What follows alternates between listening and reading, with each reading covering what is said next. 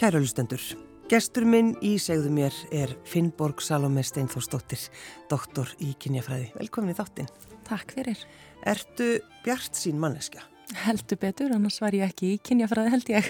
Já, það er bara þannig. Já, þetta er svolítið svona, þú farið mjög sterk kynjagleru á nefið og, og, og verður svona mjög meðvituð um óréttlæti og misskiptingu og, og og ég held að ef þú ætlar að læra þetta og leggja þetta á þig þá verður þú að bjart sínum að hlutinu geti breyst Já, því annars verður þetta bara annars verður þetta bara döpur lítur að vera Já. Já. En er, e, ertu alin upp á þannig heimili að það svona, var vera að tala um þessa hluti? Nei, þörft á móti Já.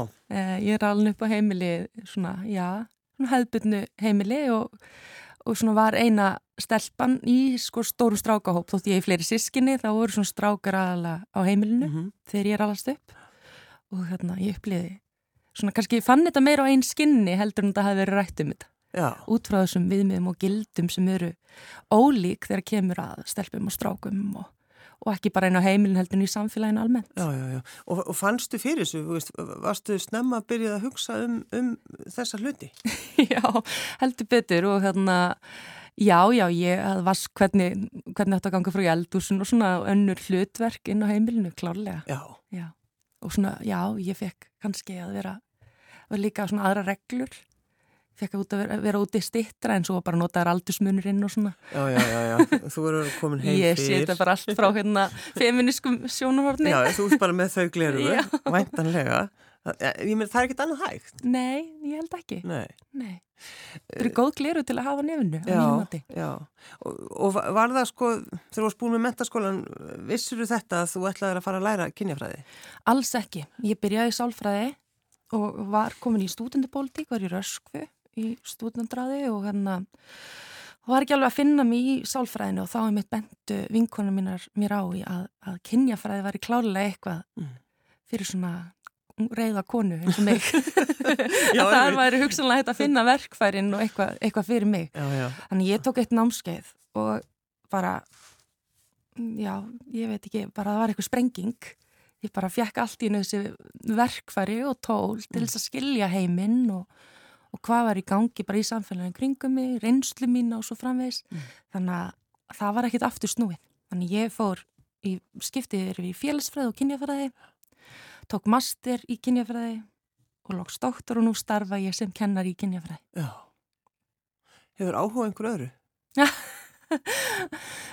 já, ég hef áhuga á bara mör, mjög mörgu og þá sérstaklega kannski bara svona pólitík og og jú, ég hef áhugaði að spila bandi með vinkonum mínum Já, já, mikið er ég feina að heyra það. Tónlist. Já, og, en að því þú nefndi þú, að því þú sagðið Finnborg, já, reyðakonan veist, það, alltaf, það verist alltaf verið svona einhvern veginn svona fylgja að eða þegar fólk er eitthvað að tala um kynjafræðina og, og konur sem fari í þetta já, það er svo reyðar já, en, en ekki, er það ekki bara allt í lægi? Verður maður ekki vera líka svolítið reyður? Jú, en eins og þú segir, það er líka bjart sín já, og ég vil hérna greinilega hérna, reyna að leysa vandan annars væri ég ekki að fara í kynjafræði. Nei.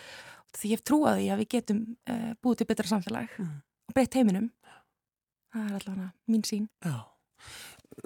Mér langar svolítið að rifja upp þú bjóst í Chile. Já. Búst þar með uh, pappaðinu með ekki? Stjúppappa mínum og já. Þá ertu 11 ára gömul. Já. Og þar kemur svona, þar upplifur annan heim Já, heldur betur og þar svona skerftist þessi sko stjættarvingil, eh, fátæktin og svona þaugleru voru að skerpa svona ójöfnurinn í samfélaginu, hann varð mér svo sínilegur uh, og ég náttúrulega styrti þessa hugmyndir um að Ísland væri eitthvað svona jafnbrettis paradís sem náttúrulega er alls ekki en, en þar svona líka voru svona ennþá stífar í kynjahugmyndir, hvernig stelpur eiga hegða sér og strákar og mm. það náttúrulega gerði mér bara ennþá reyðari Já. en ég var líka í ákveðni fórhættundastöðu sem hvít, ljósart, stúlka um, og bara út af þessum bakgrunni mínu var ég ákveðinu svona stjættastöðu líka mm -hmm. en í, í þeim krafti var ég, ég nýtti þann kraft til þess að hérna, beisla reyð mína og Já. stóð til allskynns mótmæla og svona yfir því að stúlkun mætti ekki verið í fótbolta og að ég silt þurfti að setja katholska trúa bara að fara í tíma þannig ég var svolítið með vesen en hann að En ég meina þú ert 11 ára, þú ert 11 til 13 ára Já. þannig að þetta strax bara stekkur Finnborg upp alveg Já, til í þetta, einmitt. til í þennan slag. Greinilega, ég hérna, hafði kannski ekki hugsað þetta áður en jú, ég var til í að taka slægin. Já. Hvar bygguði í Tíle? Við byggum í Patagóníu, Kójæki, Suður Tíle, alveg bara hinum einu hnettinum. Og hvernig, veist, hvernig, var, hvernig var samfélagið þannig? Bara lítið, lítið sveitar samfélag, 300 manna bær og uh, stjúpafi minn er uh, vjálstjóri þannig að hann var f- að vinna fyrir útgerðafyrirtæki. Og já, en þetta voru bara tvö ár. Mm. En ég hef reyndar farið ánga uh, mikið í heimsókt síðan og nú bara síðast með samstagskonum minn í apríl en við erum í góðum samskiptum við háskóla í Santiago. Já, Þannig þannig að þú ert með tengst. Já, ég, ég bjóð þau til sjálf svona uh, bara til þess að hafa tækifæri til þess að fara ánga oftar og eiga svona mína eigin uh, tengingar þarna. Mm. Þannig að núna er ég með mjög góð tengsl uh, við háskólan í Santiago og á ennþá þarna nokkrar æsku vinkonur, þannig að þetta er ótrúlega skemmtilegt. Já, en uh, sko, að þú varst að mótmæla þarna, hve- hvernig gerður það? Já, ég svona bara bankaði á skólastjórunum eða, eða settist á bekk fyrir utan kennslistofuna og neitaði að mæti tíma og, og hérna, stjúbróðu minn, hann var látin sitja með mér, hann kom síðar og bjóð með okkur Já, og var mállus út af því hann talaði ekki spænsku þannig ég let hann svona, teimti hann áfram og einhverja vinkonur. já. og, og þú bankur upp og, og segir við skólastjórinu það ekki? Þannig Jú, finnst og með alveg fótboltan, já, sko, og hann fengum hann viðtal og, og hann og jú, þessu var nú eitthvað breytt en ég hafði engan áhuga á fótbolta þannig um leiðu við náðum þessu í gegn þá bara fór ég að hugsa um eitthvað annað Já, já, já, já. bara að vera að skvísa eða eitthvað, svona helstu áhuga málmanns þegar maður er 11 ára Já, Hlusta á Girls já, akkurat sko. En, en þarna náttúrulega upplifur þessa misskiptingu samfélags sko, Mm. mjög vel. Já, Já, uh, ma- maður var mér svo opbúslega sínileg og líka út því að við vorum þarna í ákveðinu fórítundastöðu og bara bylið á milli bylið á milli ríksfólks og fátagsfólks er svo gífurlegt þannig að um, og mamma mín laði mikið upp úr því að við myndum fá að sjá þessa hlið á Tíle af því að Mhm. við fengum náttúrulega bara vorum pökkuðin í bómul og sett inn í engaskóla og, og hana, þannig að já, mamma mín laði mikið upp úr því að við færum heim tilbaka með þessa þekkingu í fartaskinu. já. Þannig að maður myndi vita, vita eitthvað. En sko, en að sjá eigin forutindi, getur maður gert það? Já, heldur betur. Maður hana, einmitt með svona reynslu og með þekkingar öflun. Þess vegna einmitt, uh, hef ég verið að leggja mikla ásla á það að við þurfum að hafa kynjafræði í grunnskólum og, og gefa nemyndum og bara fólki þessi tól til Mm. þess að sjá hvernig sko, samfélag okkar er struktúrerað. Því ef við sko, sjáum ekki forréttindin þá kannski sjáum við ekki heldur uh, hvar eru undirskipaðir eða hvar misrætti liggur. Mm. Og ef við sjáum það ekki, hvernig ætlum við þá að breyta? feminisk fjárráð, Fjármál. fjármál myndi ég. Hva, hvað er það? Það er uh, opbóðslega öflugur félagskapur hvenna, uh, sérfræðinga og áhuga hvenna um kynjuð fjármál. En kynjuð fjármál, það eru það sem ég verið að leggja meðal annars áherslu á í rannsóknum mínum. Mm. Uh, hvernig, ok, við, við vitum, þekkjum stöðuna, við vitum hvar vandamálinn liggja. En kynjuð fjármál eru svona tækin og staðferðin við það að, að þarna, leiðrétta það. Hvernig stuðlum við að jafnbreytti? Og stjórnvöld hafa skuldbundi sig uh, til þess að innleiða uh, kynja fjárlagerð meðal annars sem þýðir að fjárlögin okkar eiga að stuðla jafnbreytti. Við eigum að nota það tæki fjárlögin til þess að reyna að breyta samfélaginu í jafnbreytt sátt. Þannig að við erum í feminískum fjármálum að pressa á stjórnvöld, vekja aðtikli á Er þetta, er þetta eitthvað svona grassrútar eða? Já, þetta eru græsútar og þetta eru, uh, við erum, og þetta eru græsútarsamtök, feministk samtök og bara opin öllum, en við sem erum í stjórninni og erum virkar í, í samtökunum erum allar með bakgrunn í kynjafræði eða hagfræði eða öðrum svona félagsvísundum Mm. og bara ótrúlega flottur hópur kvenna, öflugur hópur kvenna. En eh, Finnborg, þú veist, þegar maður allar að reyna að breyta heiminum og, og, og þú veist, verður maður ekki stundum bara svolítið þreytur einhvern veginn? Nei, alls ekki, jú, að vissulega að þarna, ég verð sérstaklega þreytt þegar að kemur að því að, að þarna um, að sjá að þegar ekki eru tekna breytingar eða ekki þegar eru tekna ákvarðanir sem verða til breytingar þú veist, við erum alltaf að tala um sömu hlutina, við vitum hvar vandamáli liggur og ég meina hvort sem það er hérna kynskiptu vinnumarkaðar, launaminu kynjana, ofbeldi og svo framvegs. Mm -hmm. En oft tökum við ekki kannski ákvarðanir sem verða til breytinga. Og, hérna, og ég er svolítið mikið í því í mínum rannsóknum að greina vandan og leggja fram tilur úrbótum og það er þessi sjóna með, með kynju fjármólinn og kynjasamþættingu og svo framvegis að En næsta skref, mér langar núna svolítið að svona fara að rannsækja hvað er það sem er að stoppa? Er það bara, er það völd, er það fjármunir, er það bara áhuga lissi, er mm. það forréttindafyrring og svo framvis. Forréttindafyrring, það er svolítið gott. Já, Já. þannig að, um, og ég er þá að núna í mínu rannsóknarverki að skoða þetta sérstaklega innan háskólana. Við höfum þess að þekking á, á hérna, svona, já, hvað gengur hægt að stuðla jafnbritt innan háskólana. Mm og ég vil langar að skoða það hvernig, hvað er að stoppa í svona stopnarlegu samengi. Það vakti mikla aðtegli, Finnborg, þegar þú gerðir rannsók uh, hjá lauruglunni. Já, passar. 2013. Já. Það var, sko, það vakti alveg rosalega aðtegli. Þannig að þú, ert þú ekki bara, er þetta ekki fyrsta rannsókninni? Jú, þannig er ég meistranemi í uh, og fekk styrk hjá nýsköpunarstöðun ámsmanna og vann verkefni undir leiðsök Gíður Margreðar Péturstóður sem er profesor í kynjafræði og samstarfskona mín í dag um, Jú, heldur betur, það vakti mikla aðtikli og, og hérna Hvað, hvað varst það rannsaka hana? Hver, hver er verið spurningan það? Rann, að rannsóknarspurningin var að um, þetta var unnið í samstarfi ríkislauglstjóra Ríkislaug embettið, jafnbryttsfyllur embettsins kemur til okkar og svona vil skoða af hverju er af hverju er konur að hætta störfum í lauglunni mm -hmm. Fyrir þann tíma voru konur búin að vera að menta sig til lauglustarfa en hlutfall hvernig í lauruglunni hækkaði ekkert, það er mjög hægt mm.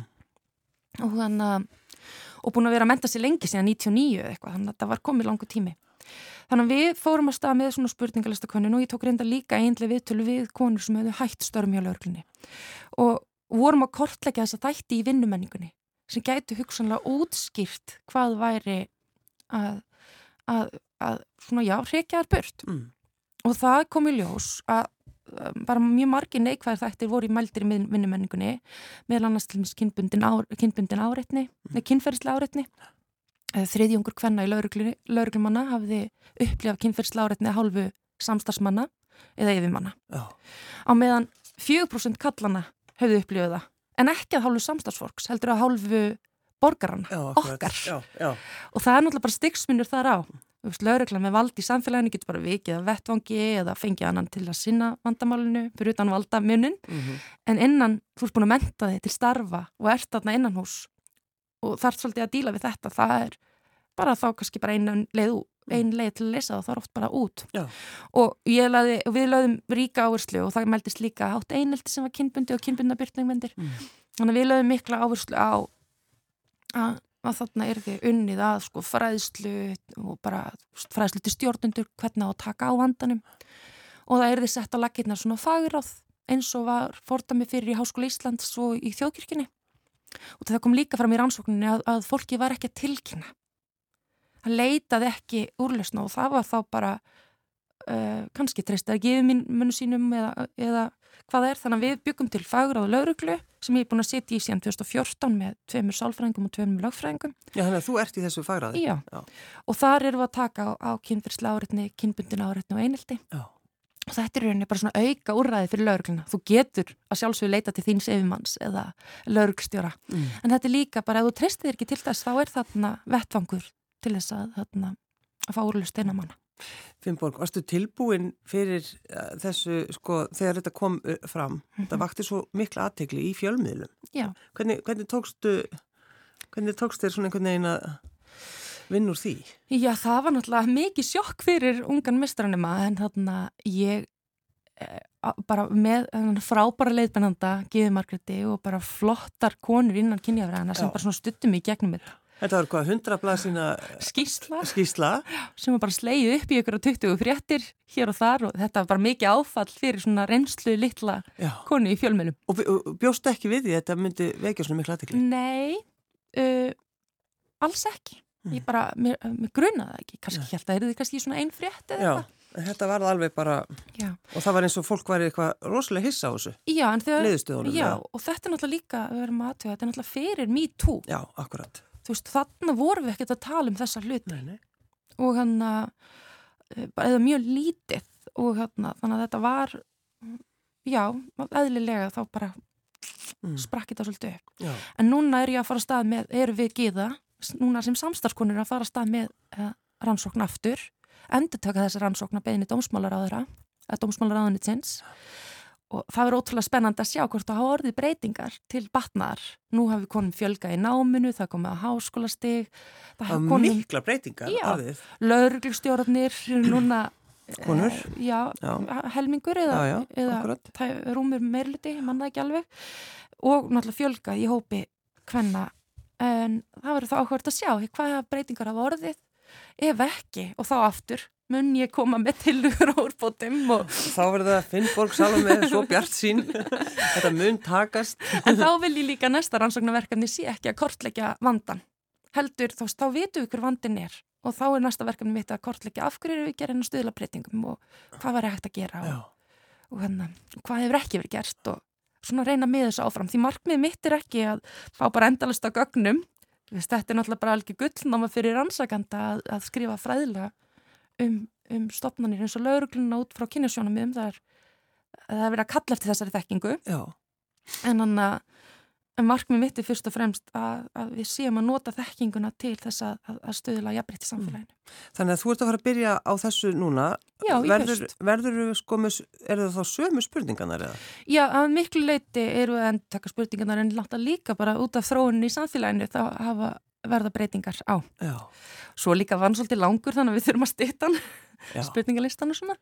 Þannig en já, þetta var miklu leiti samanbyrðarhæft. En er það þannig, sko, er, er fólk eh, til í að taka þátt í þessu með þér eða þa- þarf þetta að betla uh, löggurna til þess, kom, til þess að svara spurningunum þínum? Nei, það er ekki mín reynsla. Um, ég meina, rannsóknin er unnin alltaf að frumkvæði lauruglunar. Já. Núna er að frumkvæði dómsmálaráðansins í Það samstarfi verða. lauruglambættin. Ég verði að segja já. Já, en, einmitt, það leita til okkar Já. og svo var svörunin hann að 2013 rosalega góð. Ég meina, hún var 56% af öllum starfandi lauruglumennum Já. og það er bara í, í spurningalista kannuna heiminum er það rosalega gott. Þú hefði hert með allt tíðitt. Þannig að ég hef bara mikla trú að, að, að fólk vilji taka þátt í þessu líka bara til þess að fá upp vandamálun á vinnustæðunum til þess að við getum Mm. breytt honum til batnar. Já. Því markmið okkar er ekki að þetta verði slegið upp sem fyrirsagnir heldur að við séum í ykkur úrbótastarfi. Já. En núna náttúrulega, sko, núna ertu náttúrulega orðin svo sjóið frá 2013, Finnborg, þannig að þú munt ekki kipaður upp í það ef að allt, ef að þetta verður, mun vekja miklu aðtegli. Nei, uh, nei, alls ekki, ég er orðin mjög sjóði núna en þarna, um, já það maður veldi fyrir sem mynd af ekki aðtikli, minna á eftir me too, Já. nú er þetta bara, er orðið hluti af svona normin í umræðinni, Akkurat. uh, við erum orðið mjög meðvitum þannig að vanda bara inn á vinnustöðum Mhm. og í samfélaginu almennt. Ertu, hefur verið að skoða einhver aðra vinnustæði? Já, ég er uh, snúa rannsóknum mínir á háskólasamfélaginu Já. og þá er það aðalega út frá þessum kynja, kynju fjármálum og hvernig við getum nota fjármálinn til þess að, að, að breyta þeim struktúrum. Að- En ekki fara út í svona vinnustæða menningu. Er gaman að kenna? Það er bara eitt, eitt skemmtilegast sem ég geri í vinnunni og bara yfir höfuð. Já. Veistu, veistu út á hverju það er? Uh, já, ég held ég veit alveg okkur að það er út af því að ég er að kenna og hef verið að kenna síðan 2016 alveg ótrúlega skemmtilegt námskeið kynjafræði sem heitir hagnýting jafnbrytisfræða. Hag, Hagnýting jafnbrytisfræða já, ok. og það er svona hljóma, orð, ég þarf að skrifa þetta allt niður, sko, Já. þessi muni þetta. hagnýting náttúrulega hljómar ekkert sérstaklega skemmtilegt Nei, nei. en, þarna, en það er svo skemmtilegt út af því þeim í því námskeiði er ég í samstarfi við stjórnvöld, við Reykjavíkuborg, Háskóla Íslands og nemyndur fá alveg verkefni og nemyndur E eins, og, eins og hvað? hvað bara til dæmis þessu. að, að þarna, bara nýlegt verkefni fyrir fórstætsræðunetið að, að, hanna tímaransóknarkönnun eða greina hérna lofslagstefnur eða bara hvað sem er út frá kynnu í aðbyrtsjónum og mér finnst það svo skemmtilegt og þetta er í fyrsta lagi raunveruleg verkefni sem nefndur fá og fá þannig að spreita sig, nýta fræðilegu þekkinguna Mm. og svona hugsa og greina vandan og hvað er þetta að gera Já. Og, að einhvern veginn vera að gera gagn með þessu, það er ekki Já, bara... þetta er fer hagnýtt ekki- fyrir mig, mig sem hérna, feminískan hérna, fræðilegan akademi en hérna, aktivista. Gaglegt fyrir nefndi mín að fá alvöru verkefni og tengsl við sko, vinnumarkaðin og stjórnvöld. Já, og þetta er hagnýtt fyrir þessar stofnanir því þau fá það þarna þekkingu og tilugur að því hvernig hægt er að hugsa hlutinu öðru sig mm. en mér finnst þetta svo skemmtilegt út af því að, að svona hvað þetta er að sjá bara hvað þetta er valdeflandi fyrir nefndi mína, Já. bara já, þetta er ótrúlega hagin í þekking og, hérna, og geta gert eitthvað með kynjafræðina. Eru þínir nefnendur Finnborg Salome að sko vilja þér breyta heiminum? Ég held að hérna, já, já, ég held það, er það ekki? Ég ætla að vona það fyrir okkur. Jú, ég held að þau sem velja kynjafræði er, er annarkort bara af áhuga á hérna, fyrst, já, ég hafði náttúrulega velur engin kynjafræði nema áhuga því það hljómar ekkit sérstaklega praktíst en jú, ég held að, ég held að flesti fyrir okkar nefndur brenni fyrir eh, bara já.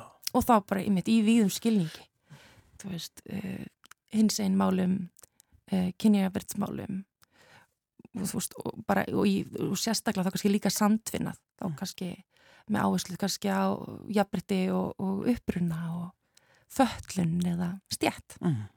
Þetta er svo, þetta, er- er svo, þetta er svo mikið, þetta er svo stort.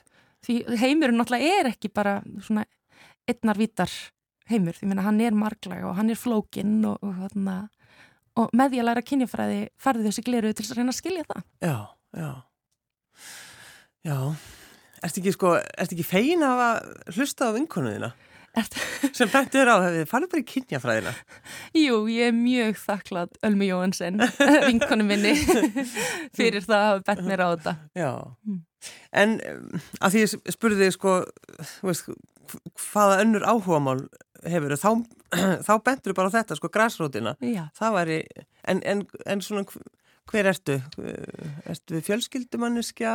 Já, ég á, á mann sem heitir Áskill Harðarsson og við um svon, hörður Rey sem er þryggjara um, og einmitt hann er þessum þannig að sem hann sko, tekur gífilega mikinn tíma frá öðrum tíma en vinnunum minni.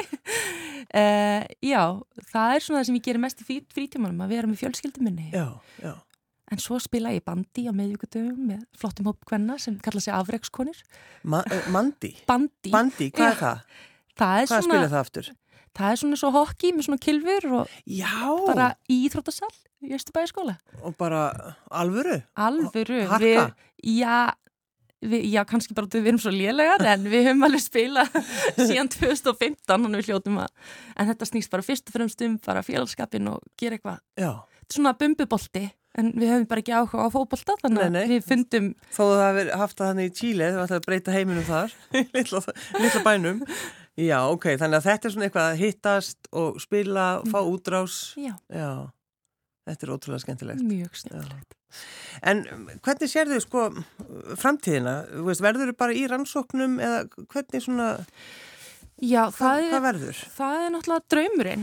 Uh, ég er núna í stöðu nýdoktor sem er svona rannsóknarstaða eftir doktorsnám.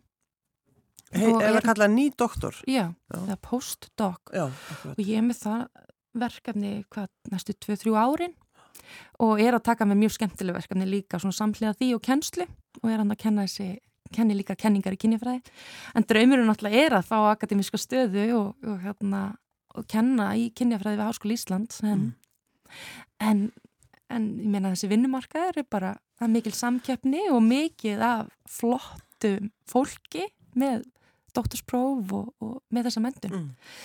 þannig að við bara við þurfum bara að sjá. En ég held að ef ég fái hún ekki akademísku stöð þá held ég að ég verði nú alltaf í rannsóknum. Já, en svo náttúrulega eins og þú heyrir það hef ég rosalega mikið áhuga á svona stefnumótun og ákvörðunatöku stjórnvalda þannig ég get líka alveg séð fyrir mér að, að fara aftur, ég var áður en ég fór í doktorsnám var ég að vinna í stjórnaráðinu en ég hef alveg, hefði alveg áhuga á því ef akademíski draumurinn er það ekki þannig að ég engar á að gera framtíðinni nokkuð ótrygg já, hva, hvað varst að gera þar í Stjórnarráðinu. Eh, þetta hófst allt bara með því að ég var nemi í innanríksráðunitinu og, og, og svo uh, var ég að starfa þar með námi og svo fór ég í ment- og menningamálráðundið í svona ofbeldisvarnaverkamni. Svo var ég um stund í jafnbryttsfylltrúi lauruklunar að leysa fæðingarulofi ykkur átta mánuði hjá ríkislauruglstjóra. Já, Þannig að þessi sko stopnaravinna er líka uh, ótrúlega skemmtileg og krefjandi. Þá er, það er, og það er náttúrulega líka sem er svo spennandi í stjórnaráðinu að það er svo mikið af flottum sérfræðingum þar. Fjármála á efnagsráðundinu, áskrifstöðu fjármála, gífilega mikil þekking á kynjum fjármálum og í öllum ráðunitum eru er flott vinna unni. Já. og þarna koma feministku fjármálinin skorturinn ekki innan stjórnarðasins það eru þessar pólitískra ákvarðanir Þannig að það læða þess inn svona feministku fjármál Já. en eh, þegar þú ert að kenna uh, sko kenningarnar í kynjafræðinni, er, er, þetta, er þetta flókið? Já, já, ég menna sumar kenningar eru mjög flóknar og hérna, en, en alls ekki við erum alltaf reynum að gera þetta aðgengilegt, Já. við erum með bíanema og mistranema og en jú, við, við stundum þarf maður að sitja yfir þeim En, en sko, hvað er þetta gamalt uh, nám. nám? Hvenar var, byrjaði þetta? Sko hér á landi, kynjafræði hefur verið uh, kent formlega í uh, 20 og hvað kannski, 5 ár, nú er ég ekki alveg með einu. En alveg það? svo lengi, já, já. einmitt. Hvernig ætli þetta hafi verið? Hva, hvað ætli hafi verið margir sem hafa byrjað í þessu námi fyrir 25 árum? Já, en það er náttúrulega líka, þetta byrjaði náttúrulega með því að innan háskólana voru rannsakandur, voru kennarar sem höfðu áhuga á hvenna og kynjafræðum Já. og byrjuðu kannski með námskeið, þú veist, innan sinna námsbreyta. Mm. Kannski í félagsfræðinni eða mannfræðinni eða, eða í mentunafræðunum og, og svo sækja nefndur þar og þar svona sko stækkar þetta, springur þetta út og já. verður svo að formlegu námi Já. síðar. En þannig byrjar þetta eiginlega alltaf og, og bara við um heim, þú veist, á sjötta, sjönda, áttunda áratögnum er, er þetta að gerast.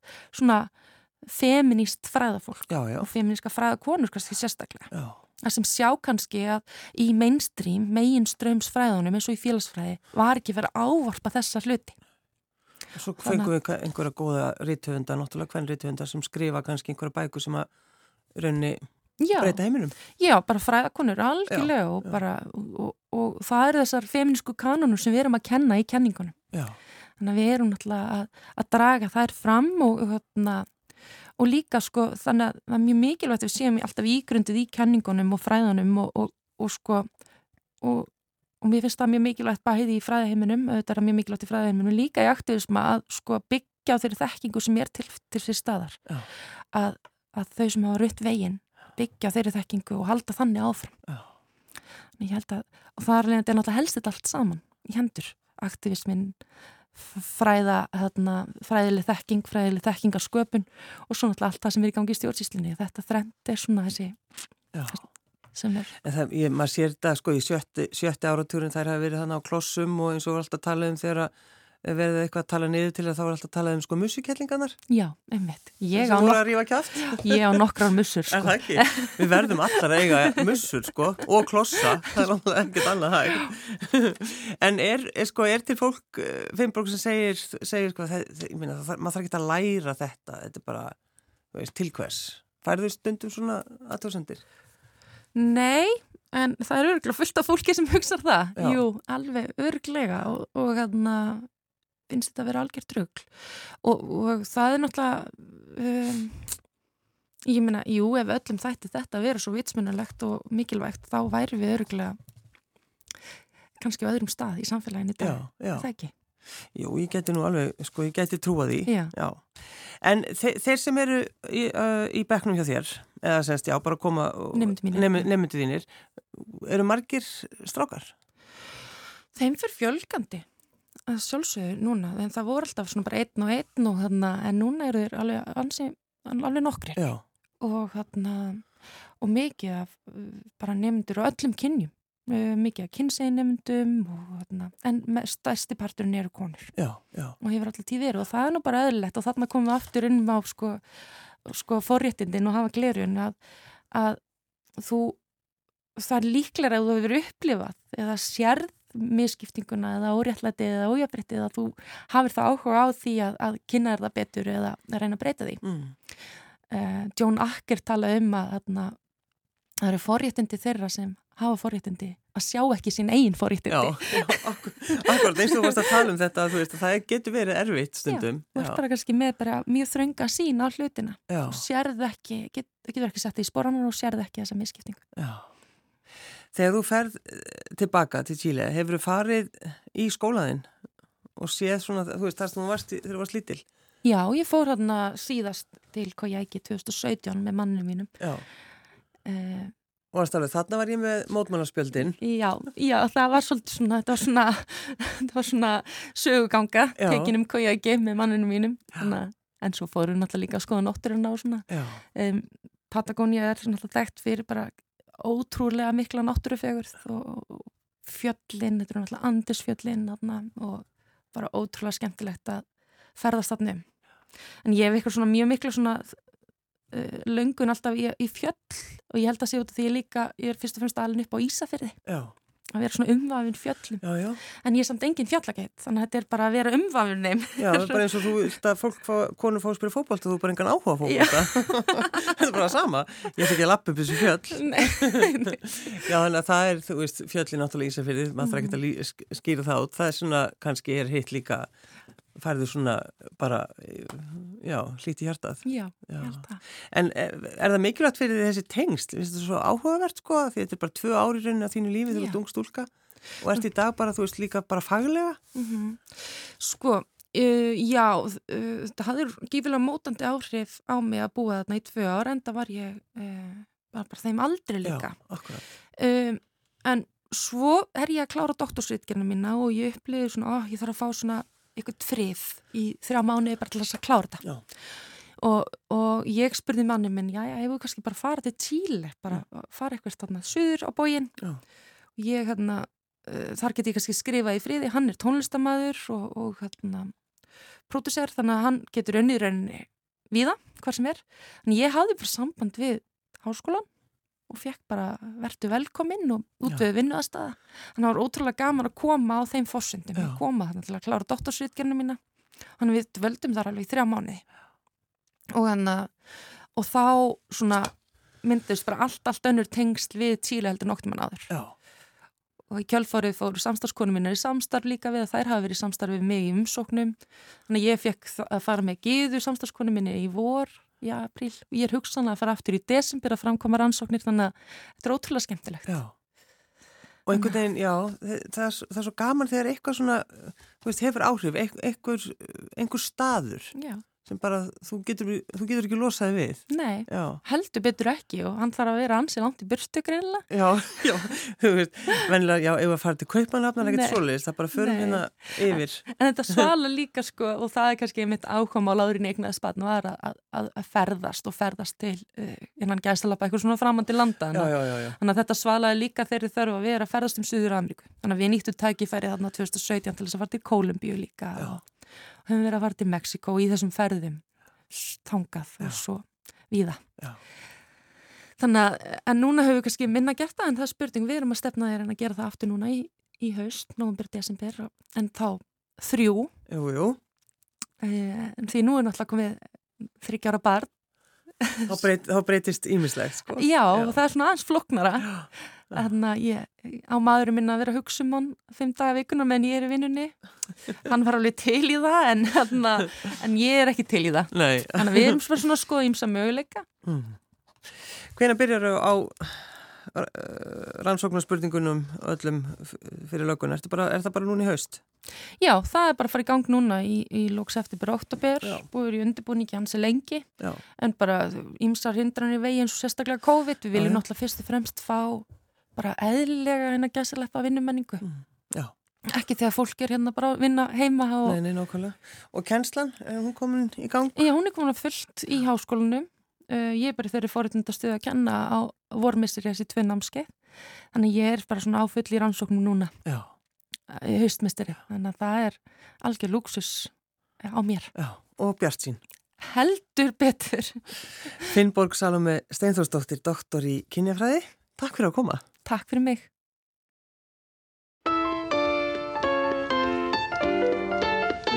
I put a nickel